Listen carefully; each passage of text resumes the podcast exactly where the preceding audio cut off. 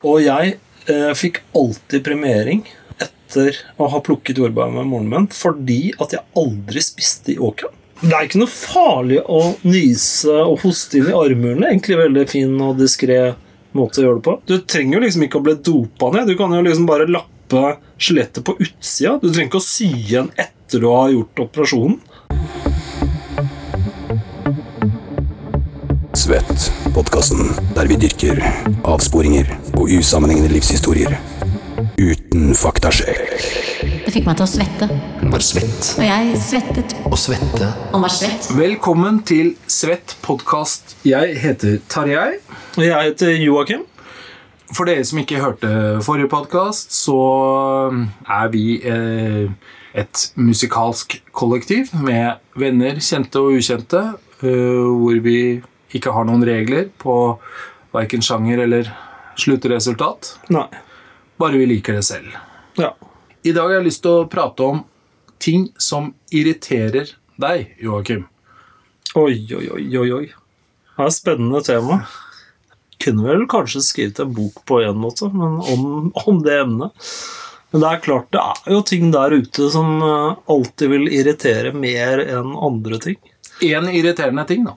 En irriterende ting er annet alle som nyser i hendene og hilser på andre og behandler penger og godteri og klapper hverandre etter å ha nyst i hendene. Jeg synes det er Jeg har truffet på folk som, har, eh, som er kjempesmarte, går elegant kledd, men nyser i hendene.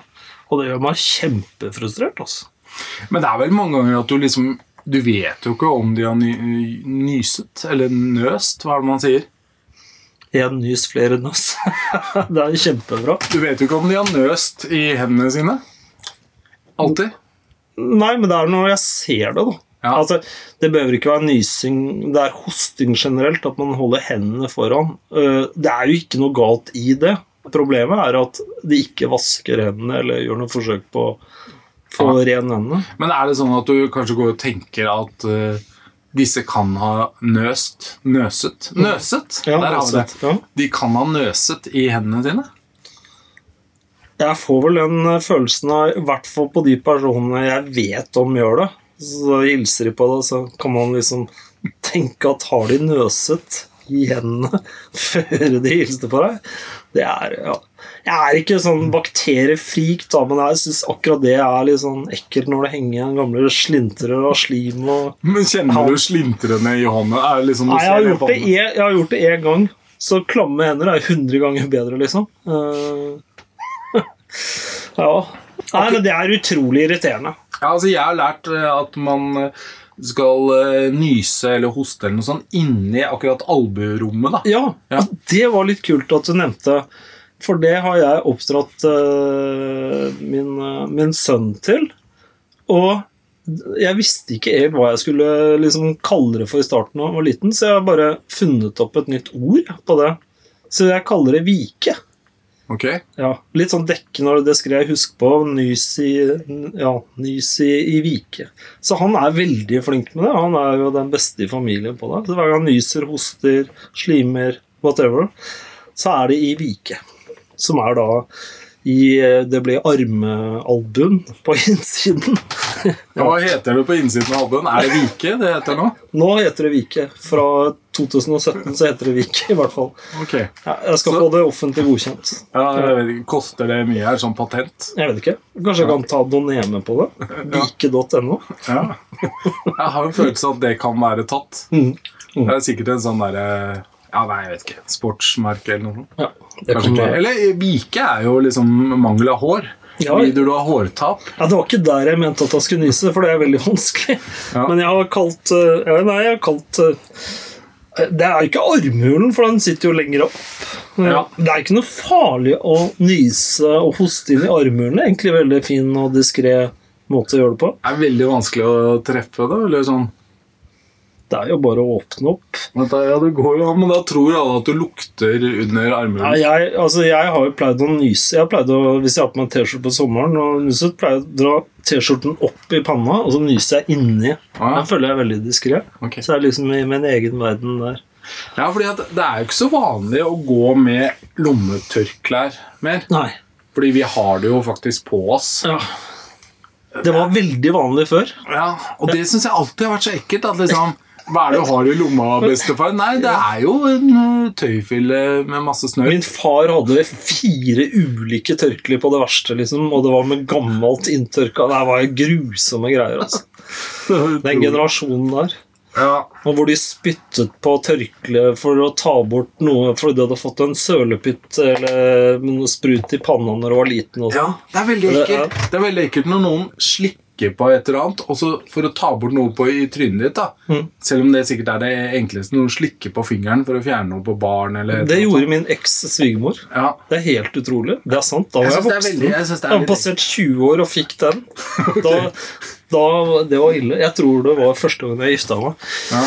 Uh, ja, ja, Men det som er litt irriterende, da, eh, eller hvis man skal tenke over sånne ting er i samme rekke, det er jo hvis du har vært på liksom vært på toalettet, og så har du vasket hendene, og så har du liksom vært litt rask med å tørke deg, og så ofte så kan du møte noen du skal hilse på da, så kommer du fra toalettet med litt sånn våt hånd. Ja, grusomme Ja, greier. det, har, det, har, det har jo jeg praktisert, og da noen ganger så hilser jeg med andre hånden, og det er jo også veldig så rart når du skal liksom møte noen og ikke har sett Jeg tror kanskje at det var arabisk avstamning eller sånn. Er ikke den Det er, en, eller det er noen, noen folkeslag som har hilsen med andre hånden. Ja, eller? stemmer det. stemmer Det Det er jo der det stammer fra, sikkert. det er Toalettbesøk. Tror du russerne klemmer på hverandre fordi at de ikke ville ta hverandre i hendene? De kysser og klemmer isteden. Ja, Det, det, det er jo ikke noe bedre. Sånn er det jo i Midtøsten og Frankrike og Nå klemmer jo alle menn på hverandre òg, så det er jo liksom ikke noe forskjell. Eller, det er ganske utvaska rundt omkring i verden. Ja, det er, det er en mer åpen uh, verden, altså. Mm.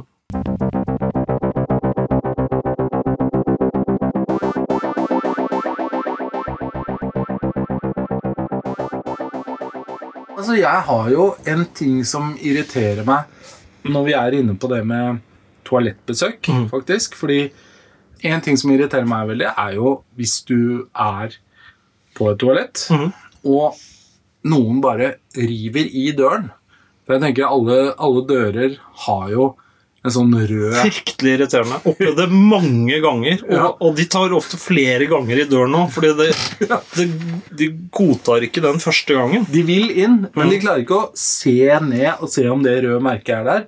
Og hvis det er det røde merket, som det ofte er på et offentlig Mm, mm. sted, da, eller de kan se i sprekken, så ser du at det er en sånn eh, hva skal jeg si, en Mm. sånn metallblokk som er låst. Ja. Det er akkurat som de ikke gjør det. tenker jeg Det er akkurat som de tenker at det, det, det er bare noe feil med låsen. Som Ja. liksom har de prøvd flere ganger. Hvorfor er den ikke åpen for meg, liksom?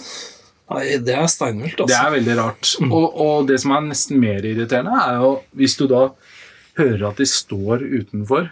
Mm.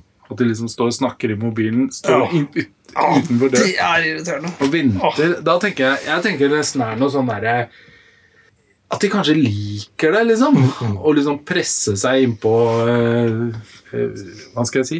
Friheten din, eller Mm. et eller annet. Det er slitsomt. Det skjer jo veldig ofte, så det er nok sikkert mange av lytterne som river opp dører. Ja, og, og det er Når vi er inne på det Jeg sto i en, en toalettkø på 17. mai, og det står noen veldig hyggelige personer i køen som jeg har pratet bak meg.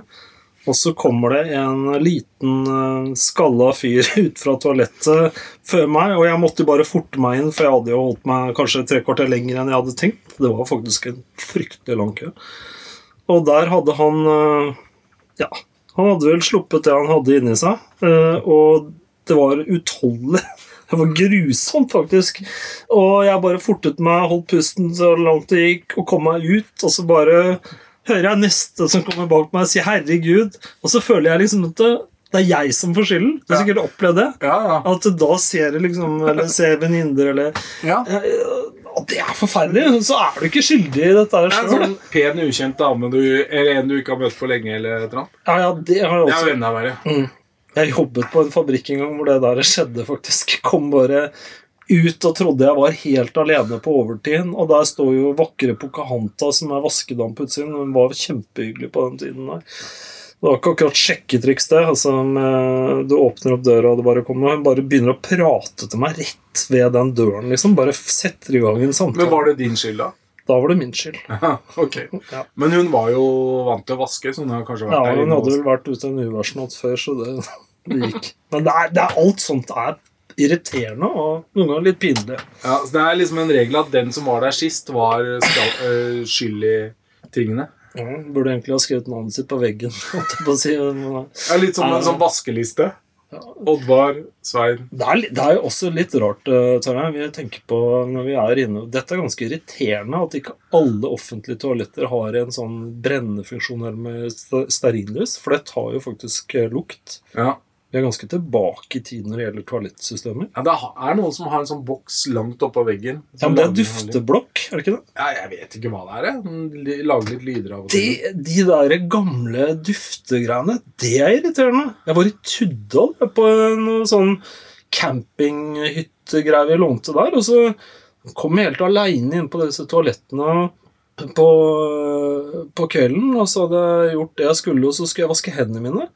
Og mens jeg står der, så hører jeg meg en sånn slått, og så ser jeg opp, og så får jeg en sånn sitronsprut rett i øya, for den sto så lavt montert. Det var kanskje noen eldre, men for de sprøyta sånn. Vi kan prate om toaletter. Jeg, eh, jeg var på en fotojobb i Brumunddal og skulle da inn eh, klar til eh, Kom litt sent med tog eller et eller annet sånt. Kommer klart inn til shoot og har alt kamerautstyret rundt meg. Skal liksom inn på ja, pissoaret eller et eller annet sånt. Og idet jeg liksom går mot veggen, så begynner, så begynner det å sprute opp vann som en sånn fontene fra alle pissoarene. Så det er sånn det er som en sånn fontene som står over meg. Så jeg kom liksom på et sånt kontor for å ta bilde av de ansatte. Våt av en sånn pissoar. Oi! Var det under overtrykk, eller noe Jeg vet ikke, det kom underfra, eller det kom Det sto i hvert fall sånn stråler over meg. Ja, det er irriterende. Det, det er ganske irriterende.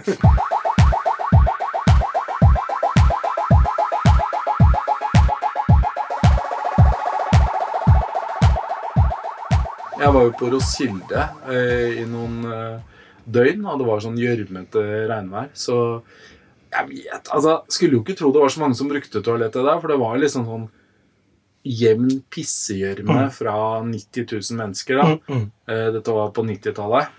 Som bare lå Alle gikk og tråkket i den gjørma. Ja, ja. Vi hadde jo et sånt telt som hadde som egentlig var et konfirmasjonstelt. Som jeg, jeg tenkte jo ikke på at det var sånn barnetelt som man bare skulle ha til pynt. Så jeg tok med det på Roskilde og dro med en kamerat. Det holdt jo første dag med sol, men etter det så lå det jo liksom under mudderet med alle ting og sånt. Så vi var jo på en måte hjemløse fra dag to. Oi. Det var veldig bra lineup eh, det året, så vi, vi var veldig interessert i å se musikken og sånn, men det var jo Kom liksom inn, fant noen venner som hadde telt, og der hadde de jo liksom tisset på seg, og det var liksom sengen, og alt var liksom bare sånn kaos, og gjørma bare krøp inn i alle teltene. Mm. Og da var det jo liksom en kamp for å kunne finne et sted å sove, for alt var vått overalt. Mm. Så jeg husker jeg rømte til et kinotelt for å prøve å legge meg ned der, da. Mm. Men der var det jo også sånn pissegjørme på gulvet. Og alle stolene var opptatt. Og Jeg husker de så på en film som het Space Jam, som var noe sånn blanding av Disney og ekte figurer. Dårlig minne fra det. Men da husker jeg, da tror jeg kanskje at jeg fant det verste toalettet i hele mitt liv. For da tenkte jeg herregud, jeg kan jo sove på Ja, ja, ja. Ja. Det er jo mulig, da. Ja, ja. Det, det går sikkert. Jeg har, har jo ikke gjort det. Eller som jeg husker Jo, det har jeg faktisk også. Jeg har gjort det ufrivillig. Ja, jeg har gjort det én gang, faktisk. Og da var liksom prøve å finne et eller annet sånn tørr Og det var bare Det var bare disaster, liksom. Det var, Mm, mm. det var som en septiktank med vegger. Mm. Det var liksom ikke et eneste sted. Nei da, jeg våknet jo opp på et, eh, et toalett, faktisk, i konjakk Cognac i Frankrike. Etter Oi. en sånn eh, bryllupsfest. Mm. Og lurer på hvor jeg, hvordan havner jeg her, da. Eh, og hvor er jeg, liksom? Og åpner døra, og der ligger jo en eh, kar i en seng og sover. Eh, men så skjønte jeg det var en fyr jeg kjente, da, som er litt høyt oppe i stillinger nå og sånn. Business-fyr. Mm, mm. Men han tok det pent. Han, han Han syntes jo Det var jo greit at jeg sov der og ikke i senga hans, da. Men så skulle jeg liksom krype meg videre uten å vekke han da, og liksom bare komme meg unna alt sammen. Og da, da krøp jeg jo rett inn på soverommet til noen andre. Og, så det er liksom ikke noen vei ut, så jeg måtte liksom bare bli der til han våknet. Jeg har jo en til i den forbindelse, når vi spilte en konsert på Notodden, hvor jeg da var eh, så på et lite soverom sammen med en kompis. Og eh, det var noen som hadde lagt seg i sovepose med sånne madrasser, så de blokkerte døra. Ja. Og da er det jo så tissetrengt om morgenen at du bare tenker ok, nå må Nå er, nå er det ikke Det går liksom ikke an å holde det. Og du leter liksom Er det noen Du kommer ikke ut, du er liksom innestengt. Er det noen flasker her? Er det Mm, liksom mm, mm. Jeg kan ikke stå og tisse Det var masse klær på hele rommet. Du kan ikke liksom stå og tisse i klærne til den du bor hos. Så eneste muligheten av dette Vi hadde jo spilt uh, fredag kveld, så eneste muligheten var liksom å åpne vinduet og tisse ut av vinduet Mm. for å liksom redde leiligheten hans. De andre var jo helt døddrukne. Eller noe, Så. så da sto jeg der og bare kommer på at ok, han her bodde jo faktisk i hovedgata i, på Notodden. Det er jo ikke noen stor by. men- Så da var det lørdag morgen, og da kommer eh, alle mødre med barnevogner på shopping, da. Så da måtte jeg liksom stå og styre strålen unna disse vognene. Gjorde du? Ja, jeg Det måtte er helt vilt. og da var jeg liksom nesten bare å lukke øynene og bare tenke at ok, dette går over. og I livets uh, lengde så kommer jeg ikke til å tenke så mye på det her, men tydeligvis, siden jeg husker det, da. Jeg kommer på i den forbindelse, når du snakker om det å tisse ut fra andre etasje, så hadde det seg slik at uh, ja, jeg var vel rundt 16 år, tror jeg. Og var eh, Ble jeg og tre kompiser Vi ble spurt da om vi ville servere i bursdagen til søstera, storesøstera til han ene av gutta. da. Så det gjorde jeg, og det var ganske heldig. Og så fikk eh, vi et litt sånn godt øye til hverandre da, ute i gangen, jeg og søstera til kompisen min. Eh, Så hun dro meg med opp på rommet sitt. Og så øh, kyssa vi litt og gjorde litt saker og ting. Og øh, så begynte det å banke på døra, og noen spør etter henne, og sånn, og hun ville ikke fortelle noen, for det var litt pinlig, for hun var to år eldre enn meg. Det var hennes 18-årsdag, tror jeg. Og da eh, eh, stenger hun meg inne, og jeg har jo drukket da Når jeg drev og serverte, så drakk jeg masse øl på kjøkkenet hele tida. Eh, og, og så bare låser hun meg inne på dette rommet. Og jeg var jo helt eh, krakilsk, for jeg var jo så tilstrengt. Og så rundt meg og tenkte alle løsninger. Og den ene tingen jeg tenkte på, det sto en kaktus i en liten potte. Og jeg tenkte nei, det kommer aldri til å gå, eh, for det kommer til å bli bare renne over. Liksom, hva gjør du? Og dette her var jo da på vinterstid, en privatbolig ute i Bærum. Kan jo være at kaktusen var litt tørst, da, jeg Ja. har alltid sånn tørr jord på Det er bare tanke på kaktus og de edle deler. Bare dårlig kombos i nærheten og skulle prøve å finne Nei, det gikk ikke. Så jeg åpner da vinduet og tisser da ut og bare huh. Og så våkner jeg neste morgen aleine i det rommet, og så blir jeg liksom låst ut på morgenkvisten, faktisk. Det er sant. Og da var jeg med å rydde litt, og sånn, og så kommer da foreldrene hjem. Da. Jeg vet ikke hvorfor de var, eller hvor de hadde vært. eller sånt. Da. Og så sitter vi da i stua og tar en kopp kaffe før jeg skal dra hjem. da. Så jeg bare De spurte, og han kompisen min spurte, her, så jeg sa bare at jeg sovna oppe. og sånn da. Så ble det ikke så mye mer snakk om det. Turte ikke å se at jeg hadde kyssa på søsteren hans.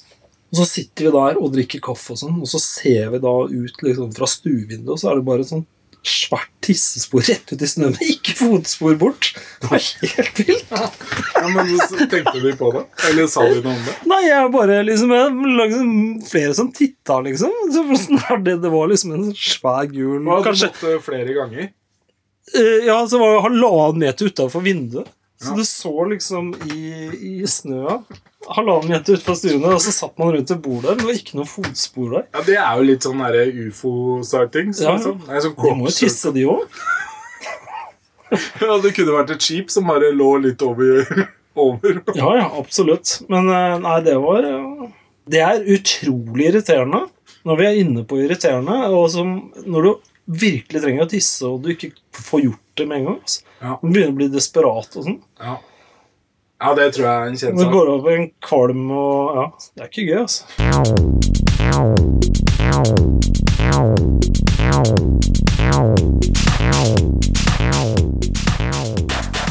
Men det der med ufo-ting, det er morsomt, dette. Fordi moren min hun var jo med en eh, polsk eh, ufo-sekt som het Ja. Antrovis. Ja.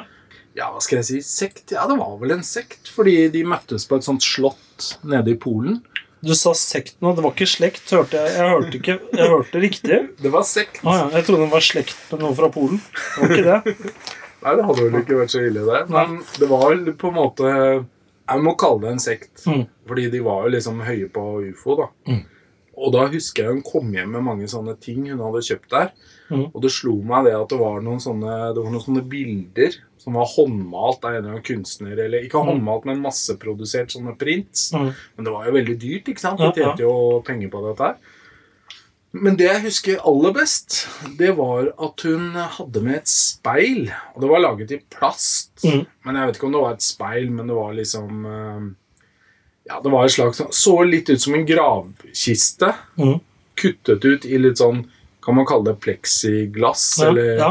Pleksiplast. Mm, mm, Ja, mm. pleksi er vel plast, kanskje. Men, men det var sånn sølv oppå, og så var det tegnet noen sånne inskripsjoner. Og det var en liten størrelse, og den hadde visst liksom kosta 250 eller noe sånt. Og så var det en ganske stor en som jeg fikk, som eh, tror jeg kostet 450 eller noe sånt da. Det var mye på den tida. Ja, 93, liksom. Mm. Så det var jo en eh, Det var ikke månedslønn eller ukeslønn, men det var jo liksom Ja, det er, det er mye penger. Det var noen handlevogner på Ja. butikken, da. Ja. ja. Og det var jo laget veldig billig, så det mm. sikkert kostet ti ti øre å lage, eller en krone, liksom. Og da fikk jeg beskjed om at uh, denne her skal du bare putte under madrassen din, så husker du drømmene dine. Ok, det var bra business for dem, men det som skjedde, mer eller mindre etter at jeg puttet den under madrassen, Mhm. Var at jeg husket alle drømmene mine og skrev dem opp. Så det ble over 1100 ganske detaljerte drømmer. Som jeg Som du har skrevet opp? Ja. Jeg har jo ikke skrevet opp alle mine drømmer, men jeg husker jo alle drømmene mine òg. Ja. Det er en egenskap jeg har hatt siden jeg var liten. Det er utrolig deilig. Jeg husker dem jo ikke nå, men jeg, Jeg husker faktisk en del drømmer tilbake som er virkelig Det er så mye jeg ikke husker tilbake til, men en del av drømmene, blant annet som jeg hadde som barn, og det er veldig sånn diskutert da når hvor langt kan du huske tilbake som barn, men jeg tør påstå at jeg husker noen av drømmene fra jeg var rundt fem-seks år. ja, For det var, eh, da var det måkebilen som skulle prøve å ta meg og sånn, ja, eh, på vinterstid. Jeg Ja. løp fra måkebilen hele tiden. ja. Mm, Det, Det gjør jeg ennå, egentlig, når den kommer. Drømmer om det ennå? Nei, jeg løper fra måkebilen Oi, oi. Ja, for jeg tenker den kommer til å begrave meg i snø eller kjøre Oi. på meg. Se meg ikke. Ah. Jeg går ikke med refleks eller noe. Okay. Men det er veldig mange som syns det er kjedelig å høre om drømmer, da. Mm, mm. Fordi du har jo på en måte en referanse selv, da. Ja. Du husker jo kanskje litt mer enn du har skrevet eller forteller. Mm. Jeg printet jo ut disse og ga dem til venner av meg, Mm. alle disse drømmene. Mhm. Ja, noen fem-seks utvalgte, og de så litt sånn rart på meg etterpå og bare Ok, du er en syk jævel. Mm. Men så tenker jeg at herregud, det var jo en drøm. Mm.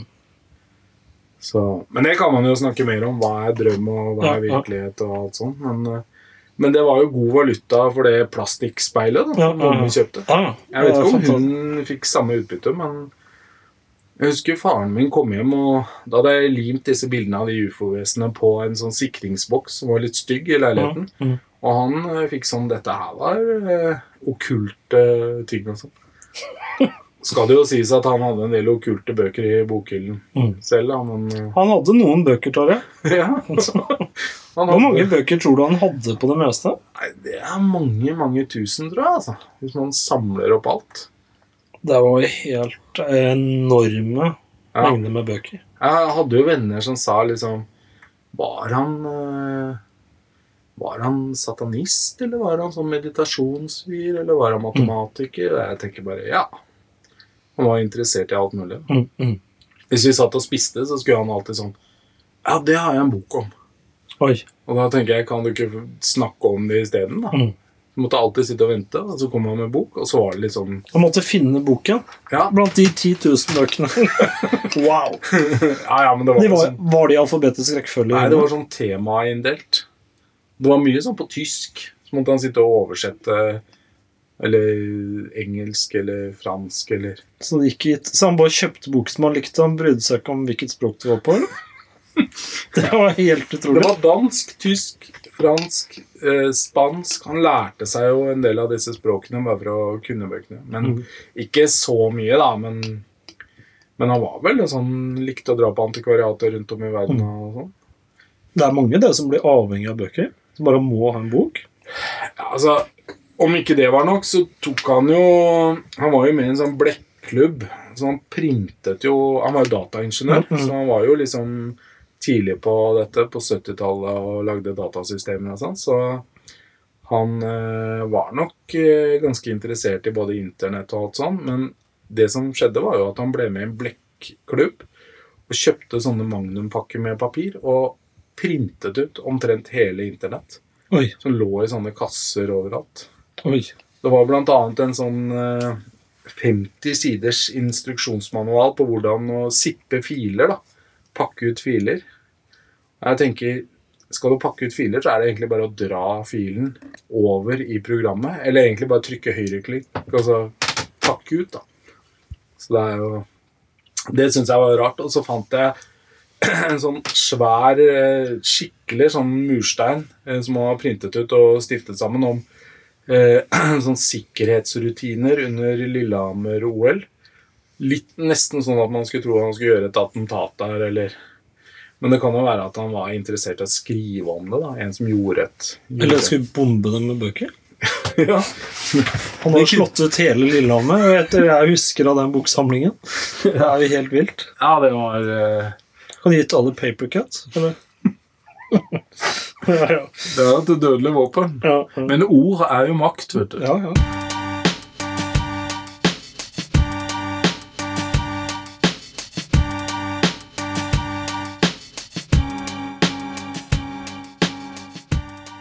Jeg tenkte det var greit å snakke litt om musikk òg, siden det er det vi egentlig holder på med. ja.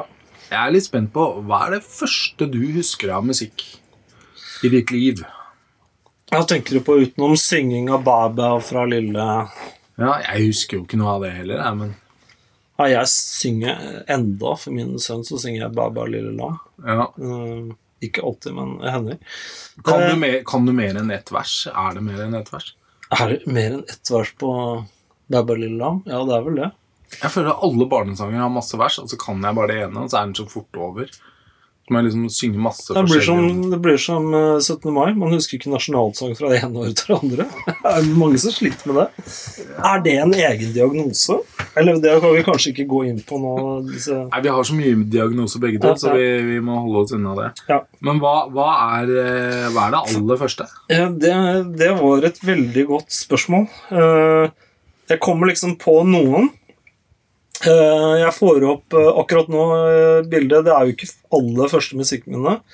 Men jeg husker når jeg var barn, så var, tok moren min meg med i en gammel blå mørkeblå Volvo Amazon med røde Skyseter som man brant lårene på på sommeren fordi det ble så varmt inne i bilen. Og da kjørte vi faktisk til Slemmestad for å plukke jordbær. Og jeg eh, fikk alltid premiering etter å ha plukket jordbær med moren min fordi at jeg aldri spiste i åkeren. Hva? Nei, Det er det største problemet når man har med barn. Så blir det sittende og tulle og spise og ikke sant? Man skal på sånn plukkerunde.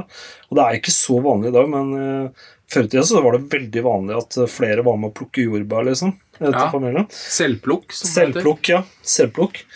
Og da husker jeg en låt som var veldig populær som gikk på radio, men jeg husker ikke hvor gammel jeg var. Og det var den derre 'Kisses for Me', het den. Ja, aldri hørt. Det?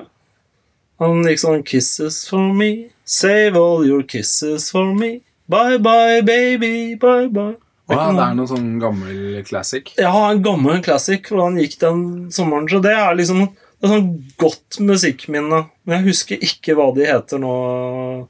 Men det klarer jeg kanskje å finne ut.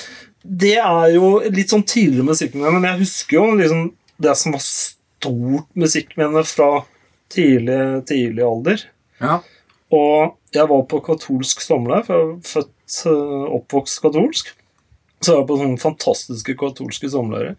Jeg hadde det så gøy der. Og det var vel ikke veldig mye øh, som handlet om Gud og Jo, selvfølgelig var det det, men det, det handlet mer om at man skulle være greie mot hverandre. Men Ja. vi pøbla en del, og vi hadde mye bus og gøy der. Og da glemmer jeg aldri mitt øyeblikk da jeg hørte Oxygen med Shamer Shelshah for første gangen. Ja, okay. Jeg ble helt satt ut når de spilte den høyt. Det var en av lederne som hadde den, og spilte den høyt i en sånn eh, peisestue for alle barna, eller barn og litt større barn. da. Ja, Når var den kom? Var det 70 76 eller 77 var det jeg hørte den. Oi! Ja, det er tidlig. jeg mener at det var rundt der. Kanskje 78. Kanskje 78. Men jeg husker enda at jeg ble helt lamslått av den låta. Den var, det var bare helt uh, rå. Og så eh, la jo han merke til det, så han snille lederen Siste dagen jeg gikk om bord i bussen for å kjøre tilbake eh, Jeg tror vi hadde et sånn oppsamlingspunkt i, i Bærum en plass. Eller en parkering. Vi kjørte tilbake fra dette. Det stedet het Mariaholm, da. Da kommer han bort, og så stikker han til meg en hånd. Kassett. Og da hadde han tatt opp den platen til meg. Oh, ja. Og det var det, det er et av de største øyeblikkene i mitt liv. At sånn- jeg fikk kassetten som han hadde tatt opp av eh, Shamer Shelshah, altså Oxygen. Ja. Det var ja. Sånn elektronisk instrumentalmusikk Ja. på katolsk sommerleir. ja, og jeg, når jeg hørte på det, og seinere på Art of Noise og sånn, så tenkte de som kjente meg ganske godt, at jeg var helt speisa i hodet mitt, og syntes at dette var helt tullete musikk å høre på. Jeg syns det er helt fantastisk, og det er egentlig mye av det som er musikkbildet i dag. Ja. Egentlig, De var jo pionerer. Ja, ja. Nå fins det jo mange andre grupper som jeg også har hørt på men det, når du spør meg sånn på direkten, så var det sånn ja, det er tidlig. Ja, det er Men det har nok sikkert vært noen musikkstykker føre det, og noen mer sånn der kjente Jeg husker Ja, jeg får nevne én ting til, og det er den der på radioen 'Nå kommer barnetimen, nå kommer barnetimen'. Men det er jo ikke en Ja. låt i den forstand, det er sånn veldig Det er en jingle, liksom. Ja, det er en jingle. Det er veldig hyggelig. Veldig Ja. sånn hyggelig musikkgreie. Ja, ja. Vær stille som mus, husker jeg en sang. Og det er så bra. Når jeg bodde på gården etter min far, så bodde jeg jo sammen med 19 mus. Og de var dritstille. Jeg hørte ingenting før jeg faktisk satt og lagde musikk og hørte noen sånne krafsegreier som jeg ikke skjønte hva er dette noe jeg har laget, eller hva er det for noe. Og da var det en sånn brødboks ved siden av maskinen. Som eh, åpna den, så satt en mus og så på meg. Og plutselig skjønte jeg at det var mus overalt. liksom. At jeg Jeg føler meg så skyldig. Kan det ha sammenheng med den gangen at jeg skulle ha lukket igjen en kjellerdør som jeg ikke lukket igjen etter du hadde en pause fra det stedet? Helt riktig. Men det var jo en kul opplevelse. da. Ja. Jeg har jo aldri bodd med 19 mus før. Så det var jo... Men noen var døde, da, så det var jo kanskje Gikk det igjen? 14. De som var døde? Jeg lå i en bøtte med vann. Det var veldig ekkelt, så jeg måtte fiske opp sånne døde lik. Og så lå det én død på gulvet. Våt mus høres ikke bra ut, eh, Torøy. nei, det er ikke bra, altså.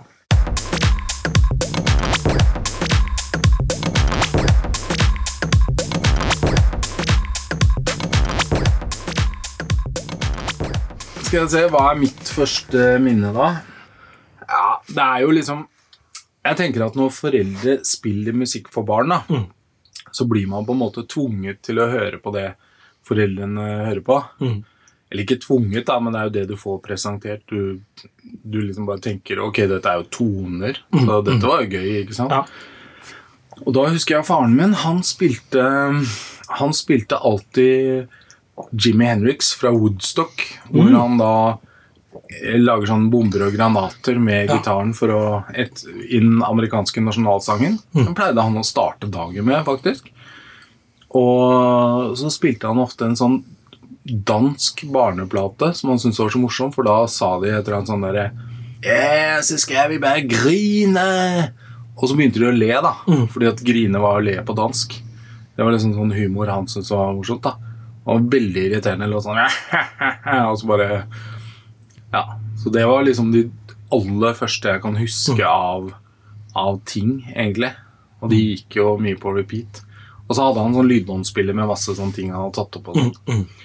Men jeg husker jo den første skiva, eller kassetten jeg kjøpte selv, det var mye senere, for jeg hadde jo fått litt sånn fetteren til moren min spilte i et band som het 126, noen sånn nordlandsgreier som gjorde det ganske bra. Så jeg hørte på det og sånn, og det var noe sånn der Chuck Berry og sånn, men uh, første kassetten jeg kjøpte selv var jo Grand Prix 1983. Var det det? Ja, og egentlig så er Grand Prix 1983 en utrolig bra samling med melodier. Man kan jo tenke at liksom Ok, jeg var litt sånn preget fordi jeg, det var den kassetten jeg hadde å høre på. Men selv når jeg hører på den i dag Nå har jeg ikke akkurat den tapen nå, men jeg hørte på den mange år senere, og det slo meg hvor mye bra melodier det er på Ja, ja, ja. Det sto en sånn dame i en sånn rosa litt sånn ballkjole eller noe sånt på utsiden med oppsatt hår. Husker det veldig godt, med litt sånn bobleskrift eh, 1983. Og så var det vel kanskje senere samme året eller noe sånt, hvor jeg var på et loppemarked på Boltløkka skole som jeg gikk på oppe ved Adamstuen.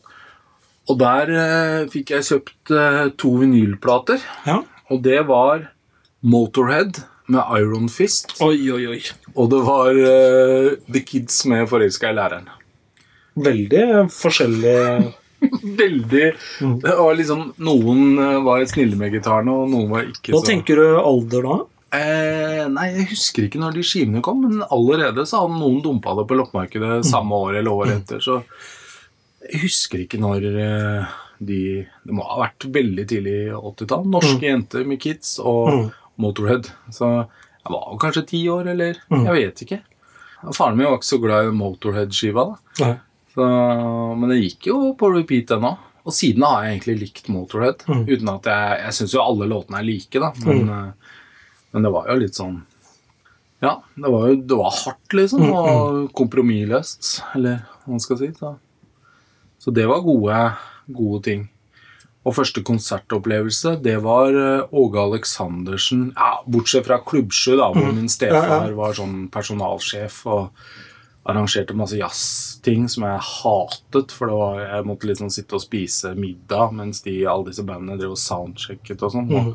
Det kan jo ha vært sånne superkjente jazzartister, men for meg så var det bare sånn bråkete horn og slitsomme trommesoloer. da. Så det hørte jo jeg fra jeg var fem år. Men eh, Jeg vet jo ikke navnene, men jeg vet jo at det var mye veldig store artister som egentlig kom til Klubbsjø i Norge nesten og spilte gratis bare fordi det var så hot navn, da. Eller ikke gratis, men du vet litt mer sånn Vi har spilt på Klubbsjø, da. I Vika. Eh, så det var greia. Men den første konserten som vi egentlig dro på, da, som jeg ikke var tvunget på fordi jeg skulle ha pølser og potetmos, det var Åge Aleksandersen i Nord-Norge. Oi, Og da kjørte vi bil over veldig mye sånn Jeg vet ikke om det var veien som var dårlig. Var det med mor og far da? Det var mor og stefar, da. Han Klubbsjø-mannen. Og de satt og drakk øl i bilen. Og jeg husker det hver sånn dump i veien, så spruta det øl utover. Og det er sånn lykkelig barndom hvor du får spruta øl på deg. Og vi da kommer frem og ser Åge live, da. Som, jo, da man røyka inne i bilen og sånn. Det var, eller, Ja, det det var- er noen som gjør det i dag òg, men det var jo mer vanlig å røyke med barn inne i bilen. Og gjerne vinduene igjen hvis det var kaldt ute. Jeg har inhalert så mye sigg som liten. De, det var liksom en sånn tåke i stua. Moren min røyka 40 Malboro om dagen og kaffe og sånn. Men hun var ikke så hard på flaska. Men det, der tror jo stefar til med å være litt mer party på det. Vi hadde jo sånne svære fester hjemme på sånne Moren min var kunstner, eh, eller er, eller hva man skal si. Ja, var. Og hadde mye utstillinger, og alle venner var kunstnere og musikere og sånn. Så Mye tåkefylt på den tida inne. Med foreldre som uh, røykte, liksom. Det var mye tåke overalt. Vi hadde jo en leilighet da som var liksom 150-60 kvadrat oppe ved Bislett. Og der var det liksom 150 gjester. Så det var én kvadratmeter per gjest. Gulvet liksom vaiet. Og det kunne være skoledag dagen etter. Så Oi. inne på rommet mitt så satt jo masse folk og drakk og sånn. Man kan jo tenke det der var jo å tråkke litt over streken. Men det var på en måte litt sånn koselig også. Og jeg hadde jo naboer som hadde det atskillig mer hardt eh, eller an, anne, annerledes, da. Så det var jo liksom litt røffere tider. Og jeg som vokste opp med klassisk musikk hver søndag, så spilte foreldrene mine klassisk musikk. Ja, men der, faren min var jo annerledes. Han dro meg jo med på fiolinkonserter. Mm. Og min første konsert var jo faktisk i universitetets aula, hvor jeg spilte fiolinkonsert av Mozart sammen med Han eh, som synger i Big Bang, Øystein Ja. Greni. Vi spilte jo da fiolin, eh, stemme, trekant, tror jeg var vår I stemme. D-dur? Nei, det husker jeg jo ikke. Jeg har flyeren ennå. Det er helt utrolig. Kjort. Fra 1983. Så spilte jo kanskje litt musikk, da.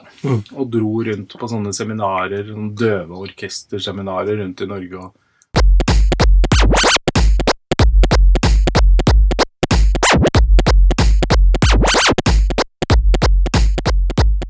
Det å holde en fiolin, det er jo liksom Du må liksom vri armen så veldig langt. Mm. Og jeg er jo ikke så veldig glad i sånn knokler og bein og sånn. I motsetning til meg. ja. For meg så var det helt forferdelig å, å liksom tenke det at hvis du skal spille, bli en skikkelig god fiolinist, da, så må du dra armen så veldig langt. Og da snakker vi om det leddet som vi, som vi ofte nyser på. da. Det leddet må liksom bøyes så veldig nærme. Du bøyde vike, faktisk. Jeg bøyde vike så langt at, at armen føltes unaturlig. Og så måtte du liksom stramme musklene og stoppe der. Og i den anledning så husker jeg jo at en av mine første favorittband, Eurythmics, hun hadde jo Annie Lennox hadde et platecover eh, på den andre skiva jeg kjøpte, Touch, hvor du faktisk ser Vike, og hun har jo ikke klær på seg, hun har vel en eller annen sånn singlet eller et eller annet sånt. Og når jeg ser på det coveret, så ser du de to knokkelbeina på innsiden. Akkurat. Fikk du grøsninger da? jeg hadde, Moren min hadde lagt sånne adresselapper som jeg skulle sette på alle tingene mine med navn og adresse og telefonnummer. Mm. Så jeg fikk, det ene adresselappen passet akkurat over den knokkelen. Oi. Så da kunne jeg liksom ta fram den skiva og spille den uten å bli sånn Å måtte se de to Eller ett eller to albuebeinene da, som stakk ut på innsiden av armen. Og jeg derimot så jo liksom lik, liker jo sånne ting, da. Så det er jo Vi er litt forskjellige der, tror jeg. Ja, jeg tenker liksom at eh, At eh, skjelettet helst ikke skal synes så veldig, da. Ok. Jeg føler at bare personen skinner litt igjennom. Ja. At det er liksom Det er jo greit, det. Det er bare det at jeg syns Jeg husker moren min er jo fra Nord-Norge, så hun likte jo det, det er jo sånn tradisjon å fortelle sånn spøkelseshistorier og skumle ting og sånn. Spå i kaffegrut og alt sånn. Men den verste historien min hun har fortalt, er jo faktisk når hun brakk kragebeinet. For jeg kan liksom ikke tenke meg noe verre enn akkurat det å brekke et sånn veldig sånn Det har min sønn gjort. Ja, det er utrolig ekkel tanke, bare det å brekke det. For det første er jo det et av de De får ikke gjort noe med det heller. Du må bare ta tida til hjelp. Jeg vet det, for datteren min har brukket òg. Hun hoppet på en trampoline. Og jeg bare tenker det er liksom ikke noe som stikker Du får liksom aldri skjult kragebeinet med mindre du er ekstremt uh, overvektig, da. Uh, noe som egentlig kan være ganske Mm, vakkert, bare hvis man får skjult det i benet. Det stikker på en måte litt ut. Og tanken på at det har eh, At det har gått gærent med det benet, Mm. det er jo altså ja, For meg så var det en, det er en av de verste historiene hun har fortalt, og hun har fortalt mye, altså. Mm. Det er vonde minner. Da er vi inne bare for å avrunde dette med, med det vi snakker om med sånn skjelett og sikkerhet. Så jeg liksom filosofert i mange år på Hvis vi har skapt et annerledes, da At eh, vi hadde At skjelettet gikk på utsiden, på en måte. At bare alt materien, alt hud og alt var på innsiden. Og så var det liksom Skjelettet var bygd opp rundt, da. Jeg tror vi hadde sett mye kulere ut, faktisk. Eh, Exo, exoskjelett, som det heter. heter det det? Ja, fordi skilpadder Ja. Eller altså Ja, kanskje ikke skilpadde, men det er dyr. Jo, det er vel ikke så dumt. Der er jo hele maten bare samla inn i en bøtte. Ikke det? Mens maten på mennesket, derimot Med all respekt for alle skilpadder i verden, bare så det er sagt. Ja. Ja, nei, altså, Det var jo faktisk en film som ble forbudt på 80-tallet. Var det Cannibal Ferox eller Holocaust? Det var jo ikke fordi de spiste mennesker, men det var jo, eller det gjorde de vel, altså, men det så man ikke. Men det var det at de skjærte opp en skilpadde levende. Oi. Så det var en dårlig film, altså. Ja.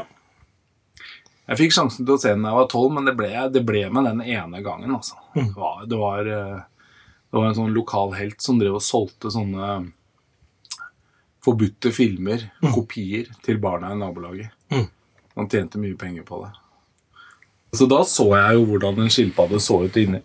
Altså sånn exoskeleton, det er vel sånn, det er jo litt sånn fremtiden, at du får på deg en sånn jerndrakt og blir sterkere og, Og det er vel De bruker de vel allerede, hvis de skal løfte Aliens-filmen. Mm. Ja. Mm. Men det hadde jo vært en veldig Altså Det hadde jo ikke vært en fordel, for da hadde jeg jo sett knoklene enda mer. Men hvis det hadde vært et hardt, jevnt lag Ja, det, det er ikke sånn jeg ser for meg. Jeg ser for meg at f.eks. en eh, overar eller en overarmen da, så kunne man hatt fire knokler altså som var rundt for å holde det som var inni. Det er sånn jeg tenker. Ja. Og jeg tenker også det at eh, den som skapte dette greiene her, da, Ja. mm, eller de, eller materien, eller whatever man tror på, hva tenkte de egentlig med? Fordi hvis man tenker litt sånn logisk, da For eksempel, du, ja, du går på glatta, er uheldig, detter bakover, tar, knekker hofta, eller knekker en arm, da. Kan du liksom rett på sykehuset, så er det jo såre enkelt, da. Herre min. Du trenger jo liksom ikke å bli dopa ned. Du kan jo liksom bare lappe skjelettet på utsida. Du trenger ikke å sy igjen etter du har gjort operasjonen. Du tar bare og reparerer det som er knukket, ferdig Ja. snakka, Ja. uten å gå gjennom huden og materien på innsida. Ja. Så jeg tenkte det, det var en klar fordel å ha eh, skjelettet på utsiden. Jo, men det er noe med bevegeligheten. Du ser en skilpadde den krabber jo bare langsomt bortover. Og Og du kunne hatt muskulaturen på innsida. Jo, men han får jo liksom ikke gjort skata eller turnet eller danset og Trenger vi turn og dansing i verden? Ja, jeg tror vi trenger det. altså. Ok.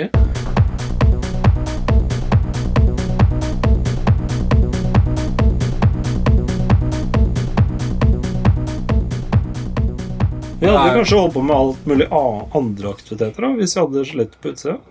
Ja, altså Jeg er jo ikke mot det. Fordi det er jo det jeg ikke liker med skjelettet, er vel at det er så masse ting som stikker ut. Og alt sånt. Mm. Og når det er sagt, apropos musikkminner mm. Jeg ble jo etter hvert, etter å ha hørt alle disse rare Eller liksom ymse sjangerne, så ble jeg jo veldig forelsket i Deppers Mode på Ja, 80-tallet. fantastisk. Jeg òg. Ja, og da var det jo stefaren min som tidligere hadde drevet med jazz og klubbsjø og sånn. Han drev jo mye sånne rare firmaer som varte litt, og så gikk de konk eller noe sånt. Han drev og lutet dører og sånn, men da ble han med i et Eller drev et plateselskap som het Eller var det et importselskap? Som het Tritonus. Og de hadde veldig mye sånn svensk punk og visesang og sånn. Tøft. Men han kunne fikse meg eh, LP-er, eller skiver, da, med musikk til eh, halv pris. Så da fikk jeg jo liksom kjøpt eh, første Deppers-tingene. Så ble jeg jo bare hekta. Og da var det det som skjedde da, ved nye utgivelser, var at jeg ble så Jeg var så besatt på å høre de nye låtene til Deppers Mode. Og jeg husker det var en arbeidsuke med, eh, på skolen i åttende klasse. Da var jo faren min ganske kul. Da bare sa han vi later som de jobber på gården, og så bare drar vi til London og kjøper eh, vinyl og, og spiser og tar en liten ferie. Da kom jeg jo hjem med en ja. 30 vinylplater. Og da gikk jeg på Ila skole eh, ved Sankthanshaugen, og der er det jo et sånt slags vindu. Jeg skal ikke kalle den første eller andre etasje, det er et sted midt imellom. Og den skolebygningen er så rund som en sånn hestesko, så du må gå en sånn kjempelang vei rundt da, for å komme dit jeg skulle, mot Bislett. Og da var det sånn ofte at vi bare hoppet ut vinduet, og jeg hadde jo sekk på ryggen, tenkte ikke over det. Hopper ut, og sekken liksom henger igjen. Jeg kommer ned på bakken og bare prøver å løfte armen min, og den bare den beveger seg ikke. Så jeg går rundt med en slapp arm, og alle var liksom vant til at jeg var klassens klovn. ikke sant? Så alle bare lo og bare ha, ha, ha, ha, morsomt og sånn. Hvor jeg da bare kjenner at jeg begynner å svime om omtrent. Og klarer å komme meg ned på rektors kontor og tror jeg besvimer og blir kjørt til Ullevål. Og da har jo jeg, som hater knokler, klart å spjære overarmsbeinet sånn at den stakk liksom ut av hu huden som en sånn spiss. Og vet du hva de sier på sykehuset? Det er helt absurd at de kan si noe sånt, for i dag så hadde de vel ikke tenkt tanken, men de hadde sagt hadde du kommet litt senere, så måtte vi amputert den armen din. Oi. Jeg vet ikke om det var en lege med dårlig humor, eller noe sånt, Mm. det var jo sånn skikkelig, og den dag i dag så har jeg jo litt større klump inni beinet på den. Men det som var bra, da, var at uh, grunnen til at jeg hoppet ut, var jo fordi jeg skulle komme hjem fra skolen, så jeg kunne få hørt på alle disse skivene jeg hadde kjøpt i London. Masse sånn spesialmikser. Ja, fantastisk. Jeg har også gjort det med Art of Norse. Ja, ikke sant? Men du brakk ikke armen, eller? Nei. Nei. Jeg har brukket mye, men ikke den. Nei. Ikke den. Nei, nei, ikke den. Ja. men jeg fikk i hvert fall mange uker da, til å høre på det. Mm. jeg liksom kunne, for jeg kunne ikke gå på skolen. Ja. Da var det ikke noen sånn lettgips. Det var liksom en sånn tung klump som jeg måtte ligge med på brystet, som kvalte meg hver natt. Hvor jeg da ikke kunne puste omtrent, og bare håper jeg klarer å puste meg gjennom natten. Oi. Så det var ganske hardcore. Og året etter så kom Depeche Mode med en ny skive, og jeg da gikk med avisen og løp så fort ned til Pilestredet, hvor det var en butikk som het Utopia, som var helt fantastisk. Og da spurtet jeg ned for å få tak i nye skiva som het Music for the Masses, som er et mesterverk i mine øyne, eller ører. Og på veien så Jeg har ikke tid til å knyte skolissen engang. Snubler i mine egne bein. Faller under en bil. Knekk i Altså kjenner det si knekk i håndleddet, men tenker ikke noe mer over det. Får dritvondt og hovner opp og skal gå med avisen. Var det brostein? Nei, det veit jeg ikke. Nei, Jeg havner på asfalt bare under okay, en bil okay. i møkka. Kommer meg ned og får kjøpt plata, tror jeg. Kommer tilbake og har en litt sånn sur nordlandsk dame som eh, er sånn budsjef eller noe sånt. da, Sjef for alle avisbudene. Og sier eh, Ja, jeg hører du syter, og du får faen meg ta og gå den ruta di. Jeg interesserer meg midt i ryggen eh, hva, det, hva, som, hva du Et eller annet sånt. Jeg bare tenkte ok, det var, det var hardcore, liksom. Skjønner hvorfor hun er sjef. Og bare begynner å gå med avisen, og kjenner jeg bare Begynner å bare falle om, eller bli sånn Sikkert litt hypokonder òg, da. Fattern kjører meg ned på legevakten, kommer til en lege, og jeg tenker ikke over det. Og han kom med et sånn kjempehardt håndtrykk og hilser på meg i den brukne armen. Nei. I det håndleddet. Og sier jeg, men det er jo hånden jeg har brukket. Ja, ja, vær litt tøff nå, eller noe sånt. Det er bare, så det er musikkminner også. Apropos knokler, som er Ja, ja, ja. en grusom ting. Ja, det kommer an på åssen du ser det. Ja, Der ser du, Hvis du hadde knokler på utsida, så sluppet alt dette her greiene her. Det hadde vært lettere å bytte ut eller fikse på, tenker jeg. da. ja. Tenk deg bare Hvis du alltid gikk med en sånn MacGyver-teip, sånn der eh, sølvteip eh, Så bare liksom er du uheldig, så er det bare å teipe. Teipe skallet mitt, liksom. Mm, mm. Ja. ja, da har vi fått pratet litt mer om musikk. Det er jo alltid mange andre ting som eh, frister å ta opp når man kommer på saker og ting. Eh, men hvis du vil høre mer, så er det bare å følge med i neste podkast. Så vi tuner ut. Takk, for, eh, takk for nå. Så høres vi snart igjen.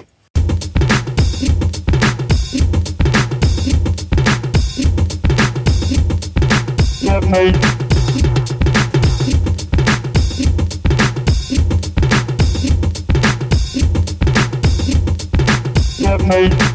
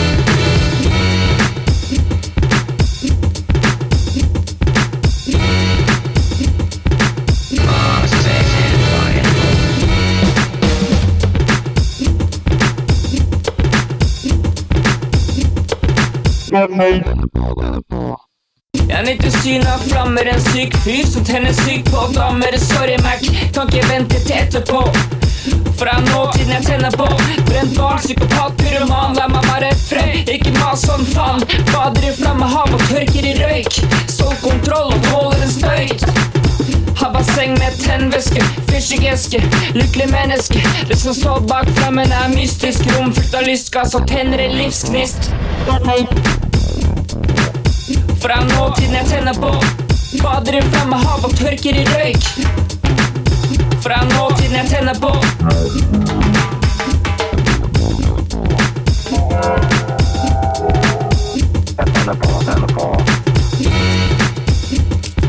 Jeg